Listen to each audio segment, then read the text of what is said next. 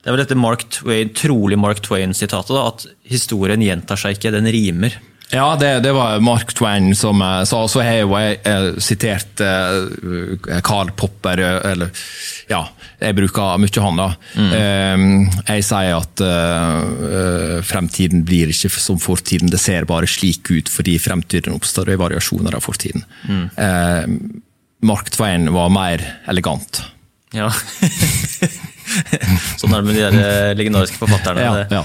Men det, det, er jo, det, er jo, også noe sånn Når var det du er det, altså Induksjonsproblemet, er det en sånn type nøtt som hele etterretningsmiljøet og universet liksom, har liksom vært sånn Hvordan skal vi løse det? Dette her er jo den store utfordringen. Eller er det noe som på en måte uh, få mennesker, deg inkludert, liksom har tenkt på at dette her dette her, Vi kaller liksom det induksjonsproblemet. for dette er liksom, dette Det var ikke noe fokus på induksjonsproblemet når jeg begynte eh, i, i den norske etterretningstjenesten. Nei. Eh, det var en som heter Woodrow Coons som skrev en artikkel. Han var deputy head of research i CIA. Eh, og Den artikkelen har jeg brukt i boka mi. Han er vel den første, så vidt jeg vet, som brakte dette induksjonsproblemet. er jo et av de eldste i i filosofien. Mm. David Hume prøvde å løse det, Carl Popper prøvde å løse det. Og mange tror jo at eh, David Hume var veldig sånn eh, påvirka av et manuskript han fant hos en katolsk prest som hadde vært i Tibet. Der buddhistene var veldig opptatt av dette problemet. Mm. og det syns jeg er, det er jo en fantastisk historie i seg sjøl. Men, men, det var denne Woodrow Koonstad som, som fikk meg til å forstå at dette var viktig. Og nå er det godt innarbeida. Eh, også David man har skrevet om det. Mm. Er det en, del, altså en naturlig del av opplæringa nå av uh, nye etterretningsfolk å lære ja. om induksjonsproblemet? Ja. Ja. ja. det er det.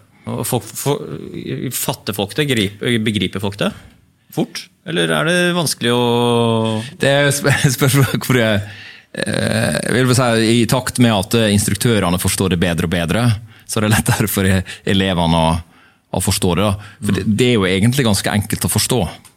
Eh, men jeg, jeg, forsto det Jeg brukte lang tid på å forstå dybden i det. Og så endte jeg opp med å skrive på, i slutten av boka at eh, kritisk rasjonalisme da, så var eh, Karl Poppers løsning på det. Han, jo, han, var ikke sikker på om han hadde løst problemet, han heller. Mm. Eh, men det, det, er åpenbart at du kan ikke løse problemet, fordi at du kan ikke tenke, du kan ikke tenke uten altså Du kan prøve, for det er jo det som er fantasi. Men fantasi, selv fantasien din er jo knytta til alt du har erfart og lært yes, yes. tidligere. Mm. Men, men, det er klart de som er virkelig fantasifulle, de, de klarer jo da å, å å bryte denne lydende muren. Og, bli, og da, de blir jo kalt kunstnere. Mm. Fordi de lager noe nytt. Eller det som jeg da um, Ikke jeg, det, det, vet, altså, det er jo rekontekstualisering vi driver med hele tida. Og det, det, var det vikingene, uten at de brukte det ordet. Men altså, Hugin og Munin, som satt på skuldrene til Odin mm. Hugin betydde jo tanken, og Munin var minnet.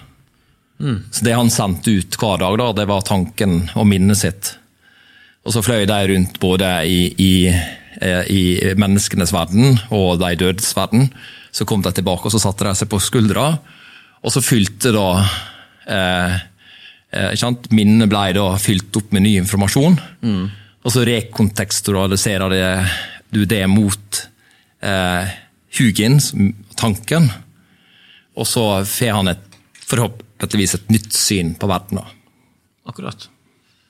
Jeg tenkte på, Kan man si at uh, og det, var, sånn, og det, er fascinerende, for det, det, betyr jo at vikingene hadde sin egen erkjennelseslære, kunnskapslære. Mm.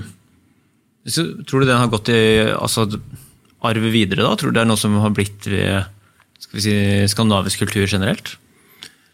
Eh, jeg tror Svartedauden gjorde jo at veldig, veldig mye forsvant. Mm. Um, men, men, eh, For da var jo det alle som kunne lese og skrive, som døde. Ja. Så det var jo bare igjen, for å sette det litt på spissen, da. Mm. Det, det, det, men eh, til en viss grad, vil jeg si, mm. så har det jo overlevd. Jeg tenkte sånn der, Dette med induksjonsproblemet. altså Vi snakka om det med fantasi, nevnte du her nettopp. Er, det, en slags sånn motgift mot induksjonsproblemet, det at, uh, å beherske kreativitet? At du liksom da uh, ja, kan ja. Uh, Kreativitet, kreative evner, gjør da at du kan se hva som har skjedd, ta inn over deg hva vi vet nå, og deretter prøve å tenke ut noe nytt som kan skje i fremtiden, som da rimer på fortiden. Ja, det syns jeg er veldig godt beskrevet. og Derfor så endte jeg opp med å skrive på jeg tror det siste sida at, at uh, kritisk rasjonalisme er vel bare en form for kritisk induksjon. Mm. Så at alt handler om så enkelt, men likevel så vanskelig om å hele tida tvile på egen eh, forståelse av verden. Mm. Og, og, og, det er jo det virkelig god vitenskap. Gode vitenskapsbøker begynner med at god vitenskap begynner med tvil. Mm hva hvis jeg tar feil? Ja. ja. Så, så det, har du opplevd det med når du skal være kreativ i den enden av etterretning, at uh, for, for, å kunne estimere fremtiden at det er fryktelig vanskelig å være kreativ i, med veldig vide rammer. Uh, for sånn jeg kjenner kreativitetens verden, er jo at jo mer du begrenser uh, handlingsrommet eller rammene for kreativitet, jo mer kreativ blir du. da. Så på en måte hvis, du sier som lag en spillefilm for Uh, ja, ja, 100 ja, kroner og gjør det i dette rommet her, så er det sånn, ok, da, liksom, det er veldig konkret. og da tror du liksom, Hvis du bare sånn Her har du her, Lag noe. ikke sant? Lag, lag, lag et musikkstykke. lag... Nei, da, da, da, er det, da, er det, vanskelig. Ja, det er fryktelig vanskelig. Ja, men, men la oss si at hvis Men det er én forutsetning som må være på plass. Det er at man er fri. Mm. Du, du, kan ikke Hva, hva vil jeg si, altså Være fri fra av uh, negative konsekvenser, f.eks.? Altså, ja, det kan, ja, det vil jeg si. Altså, man føler at det er et fritt individ.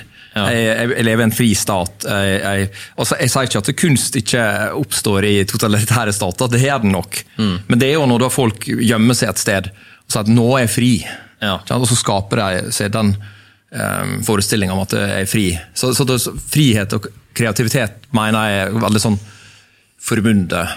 Men eh, samtidig så er jeg enig med det du eh, sier om at du må ha en Denne boka hadde jo aldri blitt ferdig hvis det ikke hadde klart å lage eh, tesen, problemstillinga. Mm. og den må være veldig sånn avgrensende. Mm. For jeg kan ikke skrive en bok om alle ting på en gang.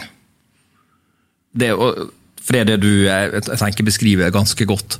Isak Asimov, som jeg, du, du har skjønt jeg, jeg syns det er fascinerende. Han, han, han var visepresident i Mensa International, men han vi, vi likte ikke seg der, for han syntes de var så ja, de var så over altså brukte et hardere uttrykk, men de var så veldig opptatt av intelligens. Mm.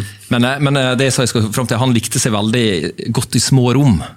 Jo mindre, jo bedre. Mm. Ja, og det er kanskje litt av det du snakker om.